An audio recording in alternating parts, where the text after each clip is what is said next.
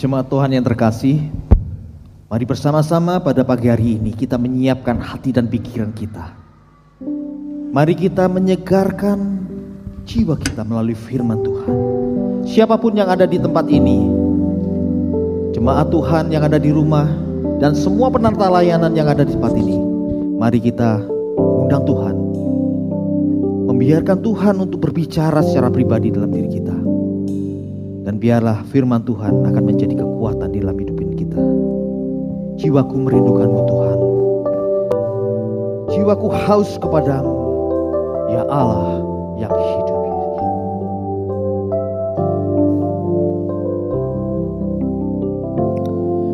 Jiwaku merindukanmu. Ya Allah yang hidup. Jiwaku haus Tuhan. Jiwaku haus kepadamu. Ya Allah yang hidup. Jiwaku merindukan. Jiwaku merindukanmu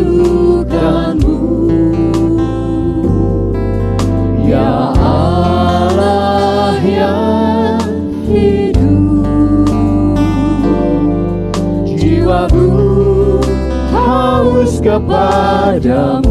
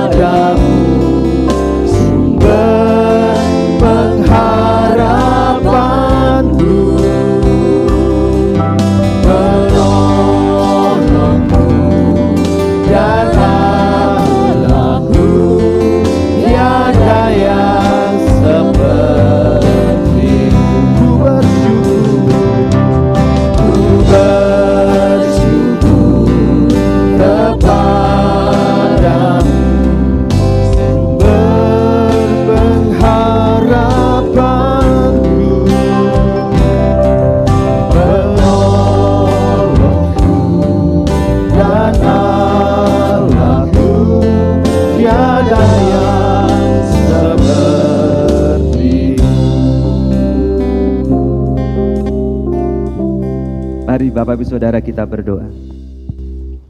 Kami mengakui Engkaulah Tuhan kami. Kami mengakui dari dalam hati dan pikiran kami, Engkaulah juru selamat kami, sumber kehidupan kami. Oleh karena pengakuan ini, kami akan hidup. Oleh karena perkataan ini, kami akan berjalan bersama dengan Tuhan, yaitu juru selamat kami yang hidup. Tuhan rahmati kami. Tolonglah kami dalam belajar firman Tuhan. Dalam nama Tuhan Yesus. Amin. Shalom Bapak Ibu Saudara yang terkasih di dalam Tuhan.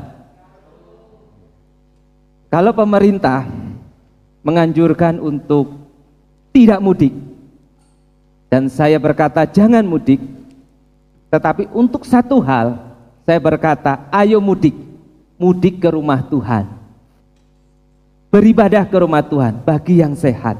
Bagi yang sehat, ayo mudik ke rumah Tuhan. Karena di rumah Tuhan kita bisa merasakan sukacita sebagai satu keluarga Tuhan. Betapa saya sangat bersuka cita Bapak Ibu Saudara. Pada hari kemarin saya berbincang dengan Ibu Julian dan dia katakan begini sambil kayaknya beliau juga menangis gitu ya. Pak Handoko kangen doa pagi, Pak Handoko kangen ke gereja. Dan saya berkata, saya juga kangen AI. Saya kangen semua jemaat. Saya kangen orang-orang yang bisa berlutut bersama dengan saya berdoa. Saya kangen dengan jemaat untuk beribadah. Dan hari ini kangen saya bisa teratasi sama Pak Babang dan keluarga, Ibu Swan, bersama dengan teman-teman TFN, Ibu Ermin. Sungguh sukacita Bapak Ibu Saudara. Dan Ibu Caroline juga kangen ke gereja.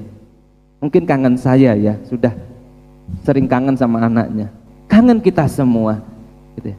Dan saya percaya ada banyak yang kangen dengan jemaat satu sama lain. Kita berdoa Bapak Ibu Saudara dengan iman. Tuhan akan menolong kita, gereja kita terus bisa melaksanakan ibadah on-site dan juga online bersama.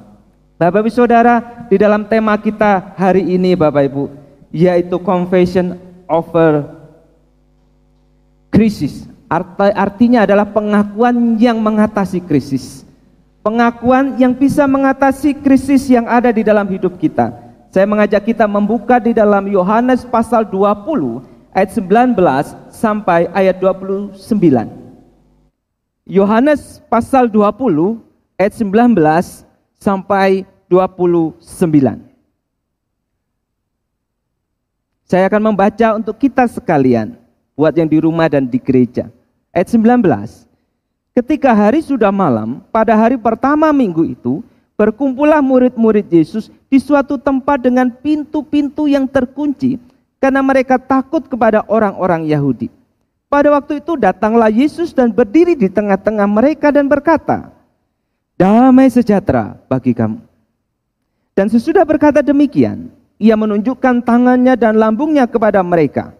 Murid-murid itu bersuka cita ketika mereka melihat Tuhan. Maka kata Yesus sekali lagi, damai sejahtera bagi kamu. Sama seperti Bapa mengutus aku, demikian juga sekarang aku mengutus kamu. Dan sesudah berkata demikian, ia menghembusi mereka dan berkata, terimalah roh kudus. Jikalau kamu mengampuni dosa orang, dosanya diampuni. Dan jikalau kamu menyatakan dosa orang tetap ada, dosanya tetap ada ayat 24. Tetapi Thomas, seseorang dari kedua belah murid itu yang disebut Didimus, tidak ada bersama-sama mereka ketika mereka datang ke situ. Maka kata murid-murid yang lain kepadanya, kami telah melihat Tuhan.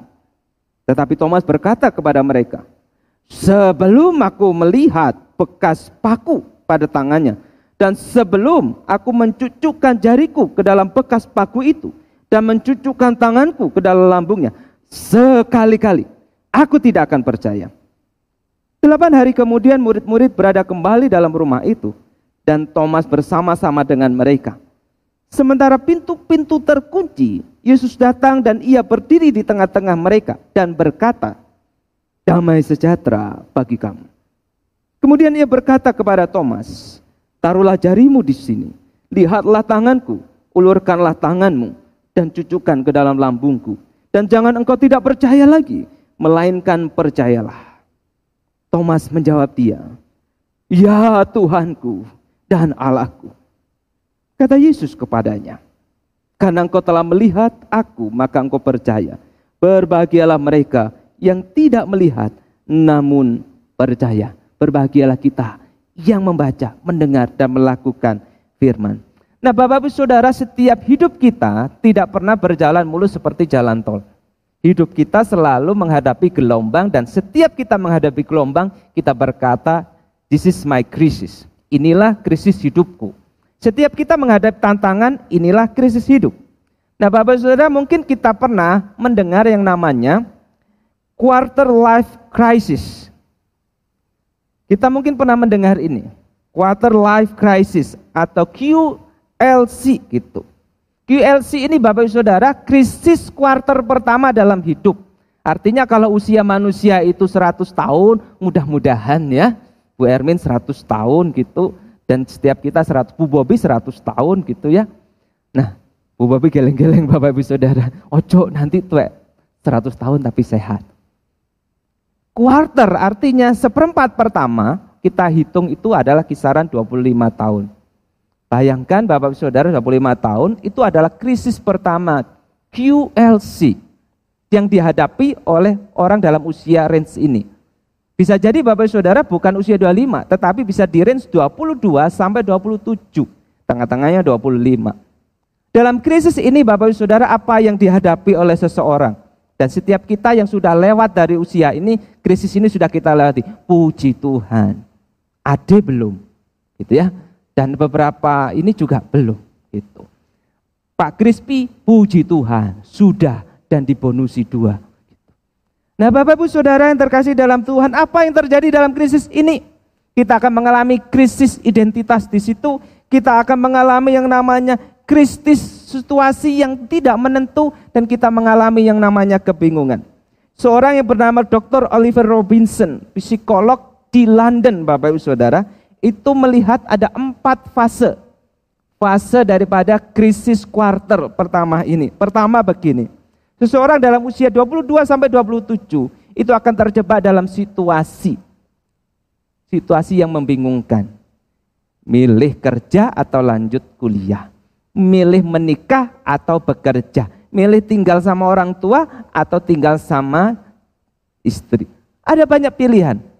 Memilih pekerjaan juga sama. Daftar di ngelamar di pekerjaan A atau pekerjaan B. Ini adalah sebuah situasi di mana kita atau seseorang di kuarter ini mengalami krisis. Yang kedua, ketika mulai ada perubahan, emosi kita mulai ada perubahan, tubuh kita mulai ada perubahan, orientasi kita mulai ada perubahan, tujuan kita mulai berubah. Di situlah kita juga ada dalam situasi krisis.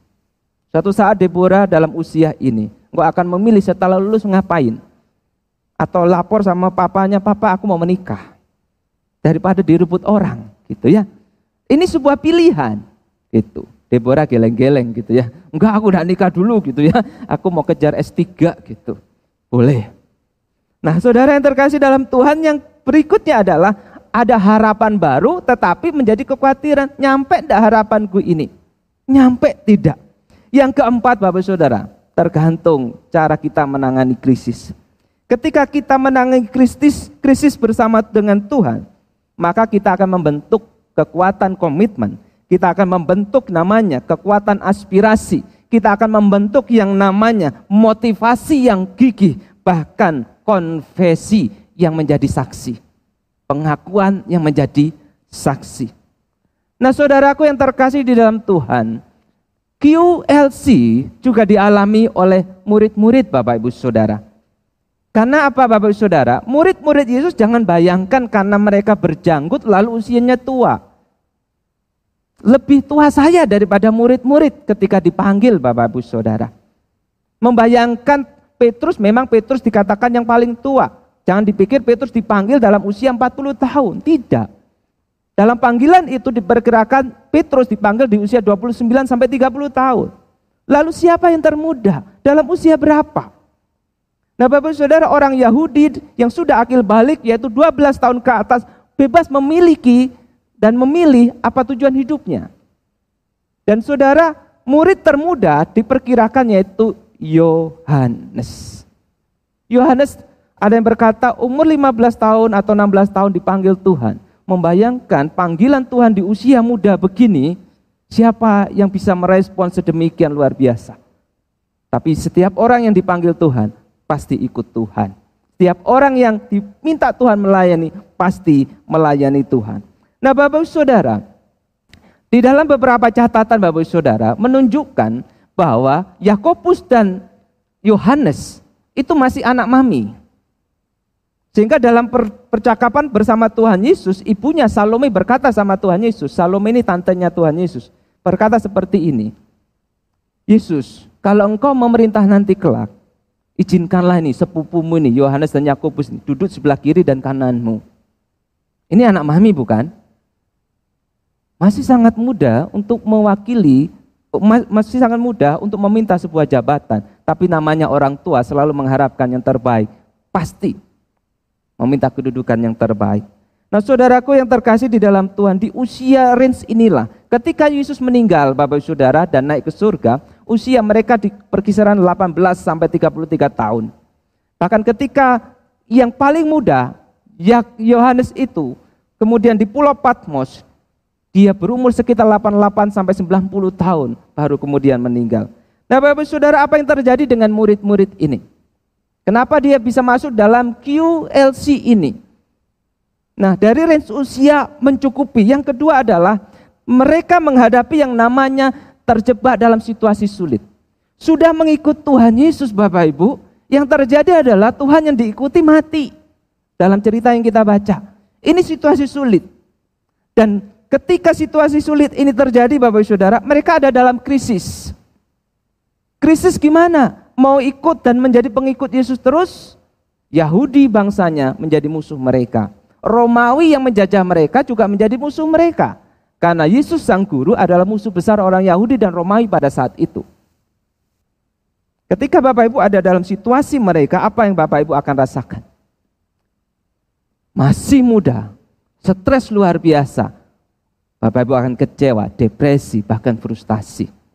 Hidupku sekarang seperti apa? Membayangkan dulu ketika ikut Tuhan Yesus ada banyak mukjizat Bapak Ibu Saudara. Membayangkan waktu ikut Tuhan Yesus dihormati oleh banyak orang. Tetapi ketika Tuhan Yesus mati, semuanya itu gugur dan rontok. Seperti krisis ekonomi hari ini, seperti krisis karena corona hari ini. Semua harapan rontok.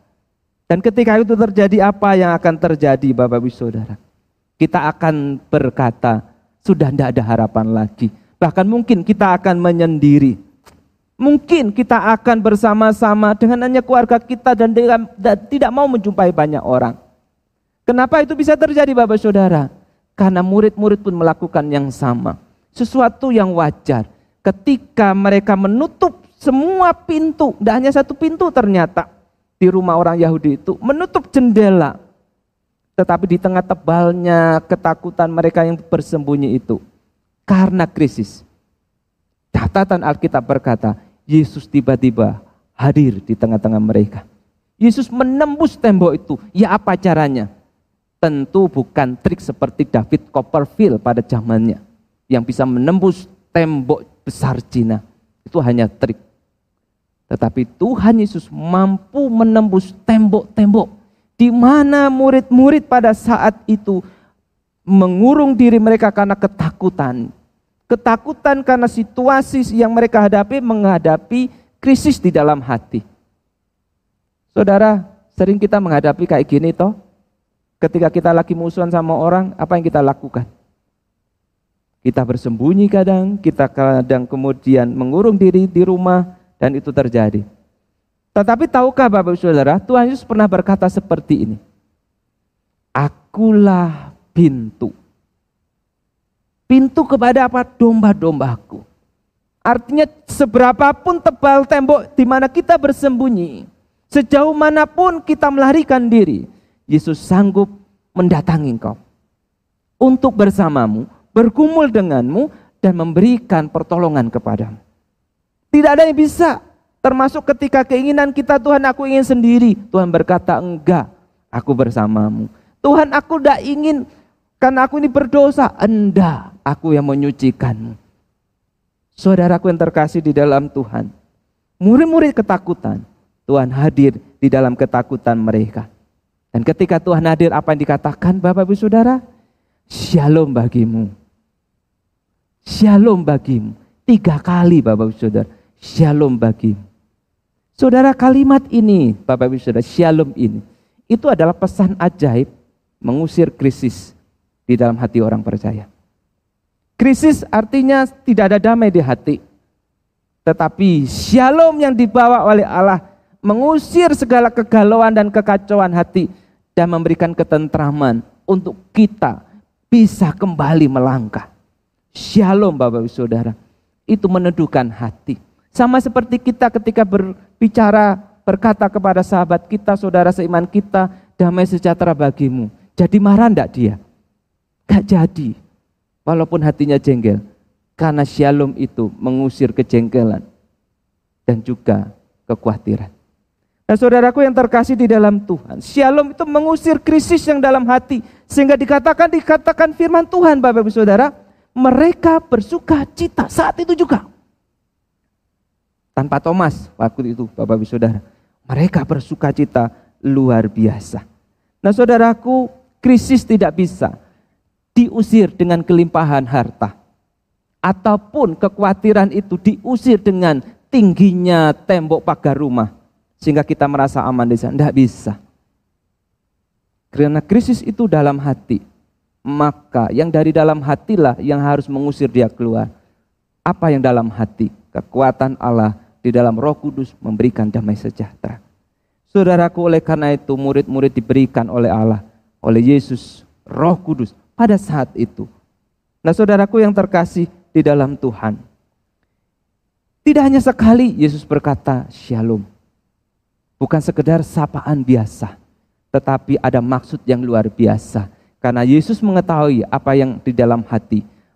Penuh dengan kekhawatiran, penuh dengan ketakutan, penuh dengan frustasi. Yang dia lakukan adalah mendatangkan damai di hati. Saudaraku yang terkasih di dalam Tuhan. Inilah pesan yang menjadi kebutuhan Bapak Ibu Saudara. Kebutuhan buat murid. Supaya krisis hilang, kepercayaan datang. Supaya api dan semangat kembali membara untuk menjadi berkat bagi sesama. Saudara, ketika damai di hati, engkau bisa memberkati orang. Engkau bisa menolong orang. Dan itu datang daripada Tuhan. Berbicara damai, shalom, itu bahasa Ibrani. Tetapi Tuhan memakai satu bahasa Yunani, Airene, yang artinya di luar kamu, di dalam dirimu, tidak ada yang namanya pertengkaran, tidak ada yang namanya pertikaian, yang selalu ada yang namanya ketenangan, ketentraman. Dan itu yang diberikan oleh Tuhan. Nah saudara damai yang sejati itu datang daripada Tuhan. Tetapi ketakutan datang dari kelemahan dan dosa kita. Damai yang sejati itu tidak bisa bertemu dan menjadi satu dengan namanya ketakutan. Ini seperti Tom and Jerry, Bapak Saudara. Seperti air dan juga minyak. Tidak akan pernah bertemu. Yang terjadi adalah damai akan mengusir ketakutan di dalam hati. Shalom yang sejati, Bapak Saudara. Itu mendatangkan perhitungan yang cermat dan keberanian yang tak terbatas. Tetapi yang namanya ketakutan dan kekhawatiran membuat kita berhenti melangkah dan melihat ke belakang lalu mengurung diri dan berkata tidak ada harapan. Tidak ada harapan. Saudaraku, ketika Tuhan berjumpa dengan murid-murid, ketika dia memberikan shalom, dia juga menunjukkan sebuah tanda Bapak Ibu Saudara, sebuah bekas tanda. Bekas ini adalah bekas yang saya katakan mengubah kehidupan. Setiap kita punya bekas bukan? Bukan bekas panu ya. Kalau bekas panu banyak. Kita setiap kita punya bekas luka, luka bakar. Sehingga kita mengalami ketakutan ketika di depan kompor kita. Jangan sampai terluka lagi. Bekas luka sayatan. Sehingga ketika kita memegang pisau, kita lebih hati-hati daripada biasanya. Bahkan Bapak Saudara kita punya namanya bekas cinta yang hari ini orangnya disebut mantan. Bekas itu, ya kalau sakit hati jangan sebut mantan, bekas saja. Oh bekas cintaku itu. Ya, baju bekas sama baju mantan itu beda, Bapak Ibu Saudara. Kalau engkau sakit hati, sebut aja dia bekas, gitu ya. Artinya engkau berharga, dia sudah tidak berharga lagi gitu. Oh bekas kok ya, itu. Tapi tidak ada bekas gereja ya, tidak ada bekas hamba Tuhan ya. Tidak ada juga bekas jemaat. Namanya bekas sesuatu yang tidak mengenakan, bekas cinta. Kalau itu diingat lagi dan suratnya tiba-tiba diketemukan sekian tahun, lalu nemu harta karun dan dibaca. Kok bisa ya aku jatuh cinta sama dia ya? Namanya bekas mantan, bekas cinta. Saudara menyakitkan. Sesuatu trauma di belakang. Nah saudara yang terkasih, bekas tabrakan. Sehingga ketika kita mau naik motor, kita ketakutan Tengok kiri, tengok kanan, padahal tidak ada orang. Apa yang terjadi Bapak Saudara? Jalannya pelan-pelan, naik ke tidar. Bapak Saudara, karena ketakutan, tidak berani naik motor di atas 40 km per jam. Nggak berani. Tuh. Tapi mama saya yang bisa naik motor, Ibu Karolin, 60 dibabat, Bapak Ibu Saudara. 60 dibabat. Gitu ya. Karena tidak ada ketakutan Bapak Ibu Saudara. Meskipun pernah jatuh berapa kali gitu. Tetapi luar biasa. Nah saudara, apa yang ditunjukkan oleh Tuhan? Bekas luka. Bekas luka yang mengerikan. Lobang yang menyakitkan. Dan tidak ada orang yang ingin mendapatkannya. Siapa yang mau dipaku di sini? Ayo kita buat film Yesus benar-benar dipaku. Enggak ada yang mau Bapak Ibu Saudara. Nah saudara berbicara bekas ini menyakitkan tetapi ini menghidupkan semangat murid-murid. Ini menghidupkan semangat yang membara di hati kita juga.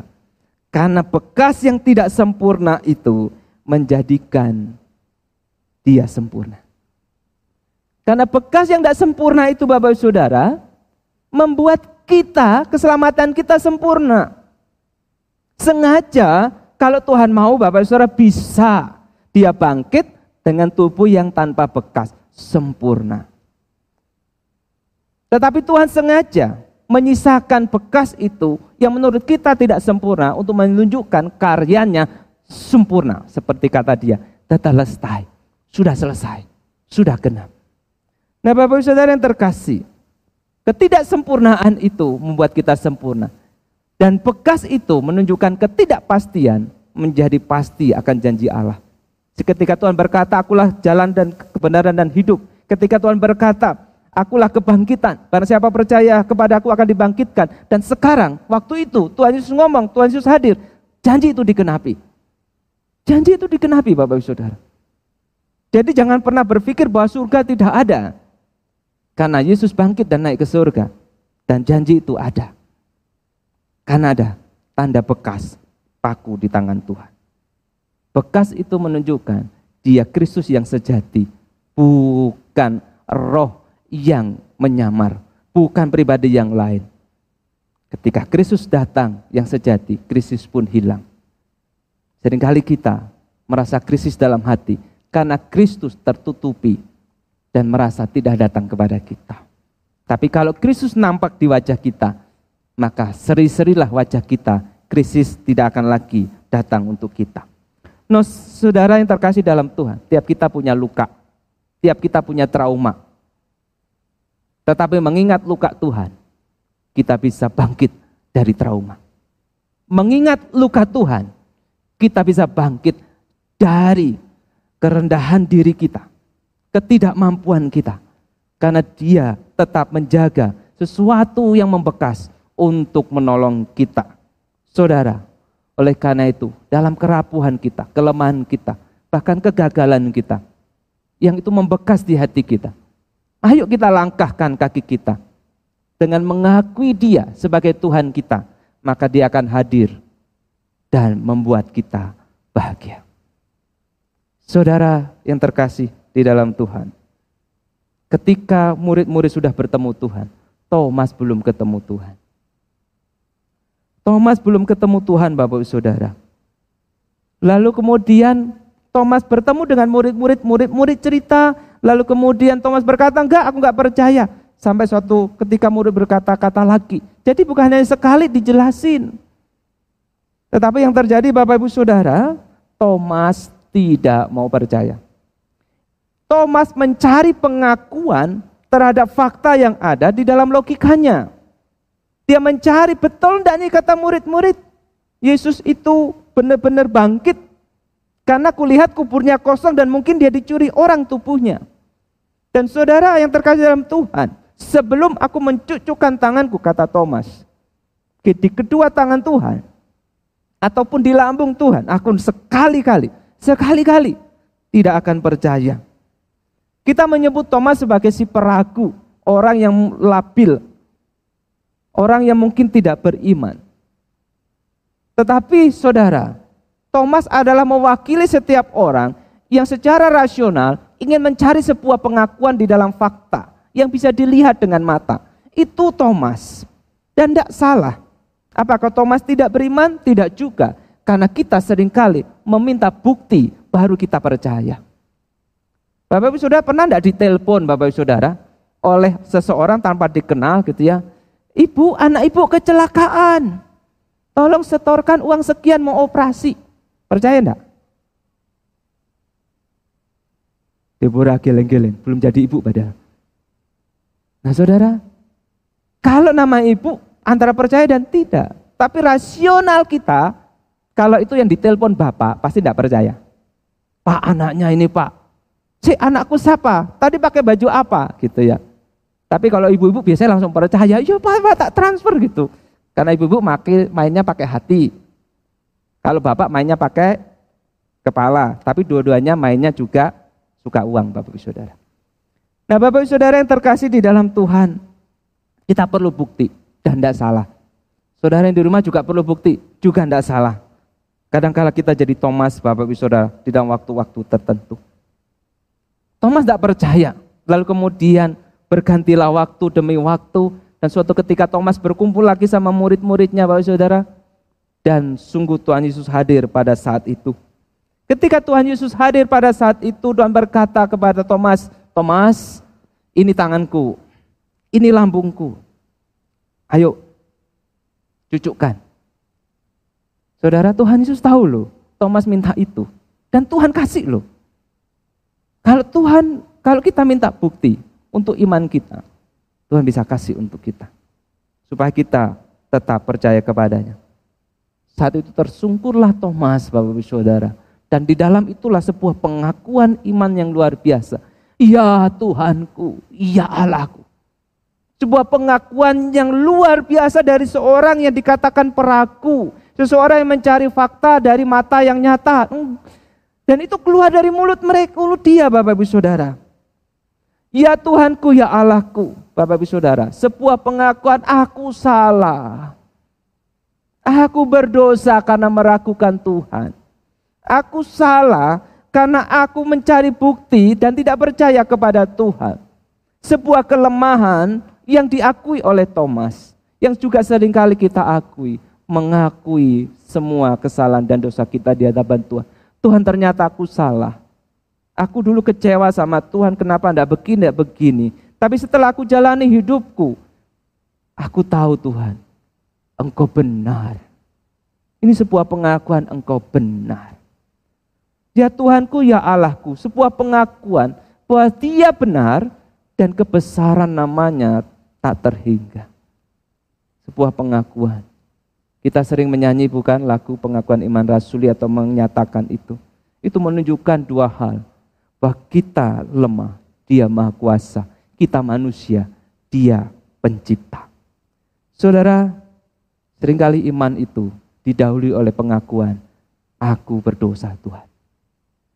Tetapi sering kali juga setiap kita merasa berdosa, kita perlu iman untuk mengakunya.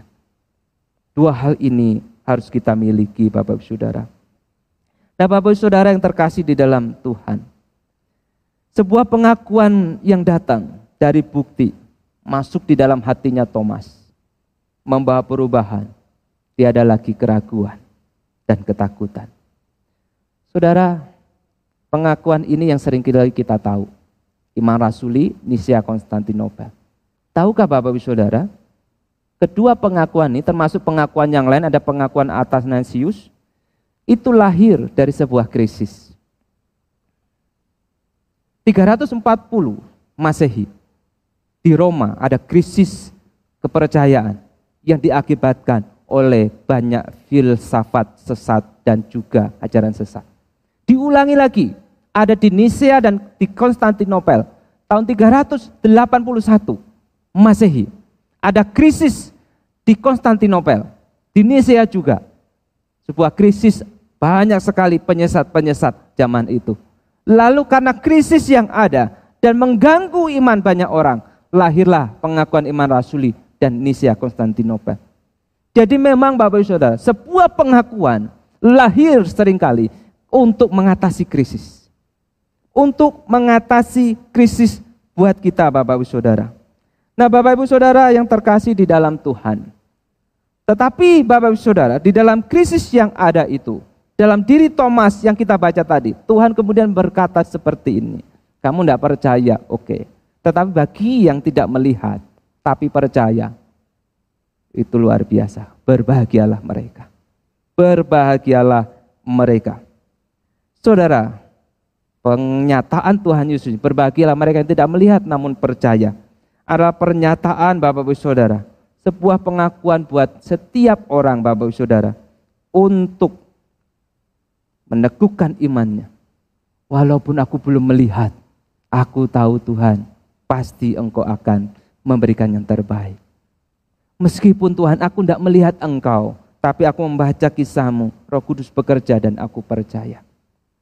Saudara, ini juga peringatan bagi kita yang krisis kepercayaan. Kadangkala Tuhan tidak memberikan bukti. Walaupun sering kali Tuhan juga memberikan bukti. Kalau ada bukti, percayalah. Kalau tidak ada bukti, berimanlah. Beriman bukan kepada perkataan siapa-siapa, tapi perkataan Tuhan. Saudara yang terkasih di dalam Tuhan, seseorang yang bernama ini ya, William Edward Deming. Dia itu seorang profesor, dia menulis buku Out of Crisis. Buku ini sebenarnya untuk manajemen. Ini cocok buat Pak Eben sebenarnya. Untuk staff-staffnya. Dia berkata begini, quality come from sufficient risk management. Kualitas itu akan terbentuk ketika kita cukup mengelola resiko ataupun krisis. Jadi kalau kita mampu mengelola resiko atau krisis, kualitas terbentuk Bapak Ibu Saudara. Tapi kalau kita tidak mampu memanajemen krisis ataupun resiko, kualitas tidak akan terbentuk. Itu sering kali. Jadi berbahagialah ketika kita merasa kita dapat krisis. Kelola itu, kualitas pribadimu akan terbentuk.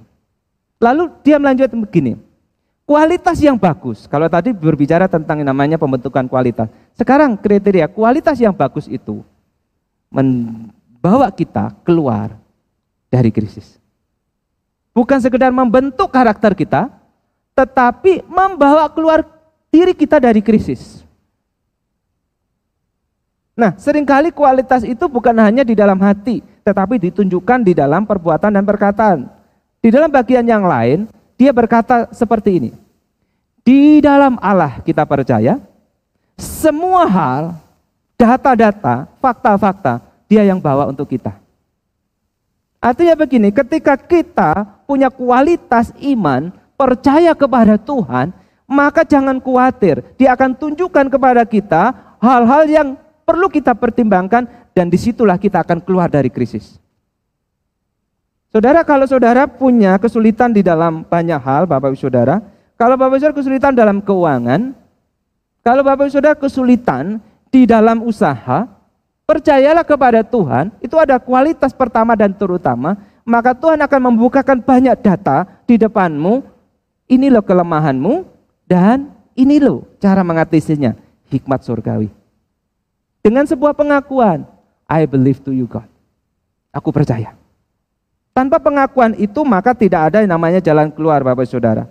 Nah Bapak Saudara yang terkasih di dalam Tuhan. Pengakuan itu akan mengatasi krisis, apa pun krisis kita. Ketika kita berkata, aku percaya kepada Allah Bapa yang Maha Kuasa. Lalu kemudian kita sedang melihat dompet kita, kosong. Lalu dengan bangga kita tunjukkan kepada istri kita, Mi, kosong. Lalu gimana yang harus kita lakukan? Ketika kita ingat aku percaya kepada Allah Bapa. Kita punya Bapa kok Mi, Bapa yang mengasihi kita anak-anaknya dan dia tidak akan membiarkan kita kelaparan. Itu pengakuan loh. Mengakui dia sebagai Bapa karena dia lebih dulu mengakui kita sebagai anak. Maka kita akan dibuat damai sejahtera. Gak apa-apa ya Pak, Gak apa-apa ya Pi, Tuhan pasti cukupkan ditambahi dompetmu dengan uang. Tapi jangan ditambah lagi dengan utang. Bahaya Pak. Saudara kalau kita kemudian mengalami namanya krisis kesehatan emak-emak yang di luar sana di dalam rumah yang lagi ibadah sakit kakinya kemudian juga mulai bengkaknya jantungnya bengkak mulai ingin makan banyak tapi setelah makan banyak, obatnya juga harus banyak. Krisis kesehatan. Di dalam ini semua, mari mama ini saya ajak, ketika kita mengalami krisis kesehatan, akui dia. Yesus dokter terbaik, oleh bilur-bilurnya kita sembuh. Sebuah pengakuan, kalau aku sembuh dia, kalau aku kuat karena dia. Dan pengakuan ini akan menolong kita. Kalau kita yang namanya krisis kepercayaan diri, minder. Tapi saudara, saya tidak tahu rambut saya akan botak di usia berapa kepala saya. Tapi ini sudah mulai krisis rambut saya ini. Dan ketika botak, gitu ya, istri saya menghibur, nggak apa-apa botak. Krisis kepercayaan diri tidak ada gara-gara botak itu. Nah saudara, penampilan sering kali membuat kita rendah hati. Tetapi ingatlah pengakuan ayat firman Tuhan, karena engkau berharga di mataku. Dan kita berkata, iya Tuhan, aku berharga di matamu. Pengakuan itu mengembalikan krisis kita hilang dan kepercayaan datang. Saudara, kalau kita krisis keamanan, Mazmur memberi contoh banyak untuk kita. Engkaulah kota bentengku. Engkaulah tempat perlindunganku. Engkaulah gunung batuku, aku tidak akan goyah. Ini pengakuan, engkau kota bentengku Tuhan, pengakuan. Engkau keselamatanku, pengakuan Tuhan. Jadi Bapak Ibu Saudara ketika engkau keluar rumah, corona ada di mana-mana, akuilah dia sebelum kau berjalan. Tuhan engkaulah tempat perlindunganku, engkaulah penuntunku. Tuntunlah hidupku. Dia yang baik, beri hikmat, perlindungan untuk kita. Saudara yang terkasih, Rasul Paulus punya pengakuan luar biasa buat kita. Pengakuannya adalah segala perkara dapat kutanggung di dalam engkau Tuhan, di dalam dia, Yesus, yang memberi kekuatan kepadaku. Aku tidak sanggup menanggung segala perkara. Engkau menyanggupkan aku. Pengakuan yang membuat Paulus bertahan dalam iman sepanjang hidupnya. Saudara, kita berdoa.